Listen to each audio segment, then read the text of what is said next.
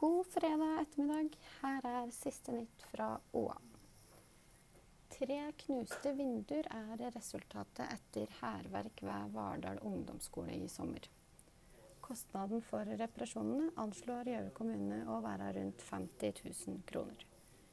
Ifølge opplysninger som er gitt til Oppland Arbeiderblad, tyder mye på at det er skutt med luftgevær mot bygningen.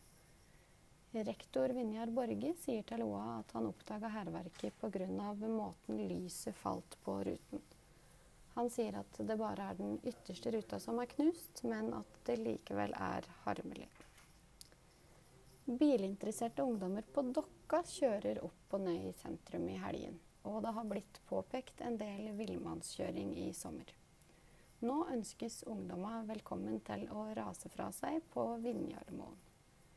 Førstebetjent i politiet på Dokka lensmannskontor Roar Ødegård og Tore-Viggo Solberg i NMK Fluberg håper flere vil benytte seg av tilbudet.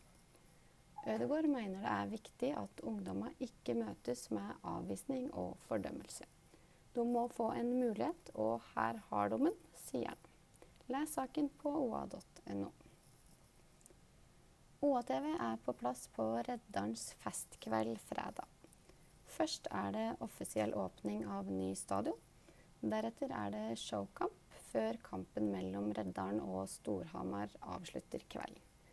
Du kan følge sendinga direkte på oa.no fra klokka 18.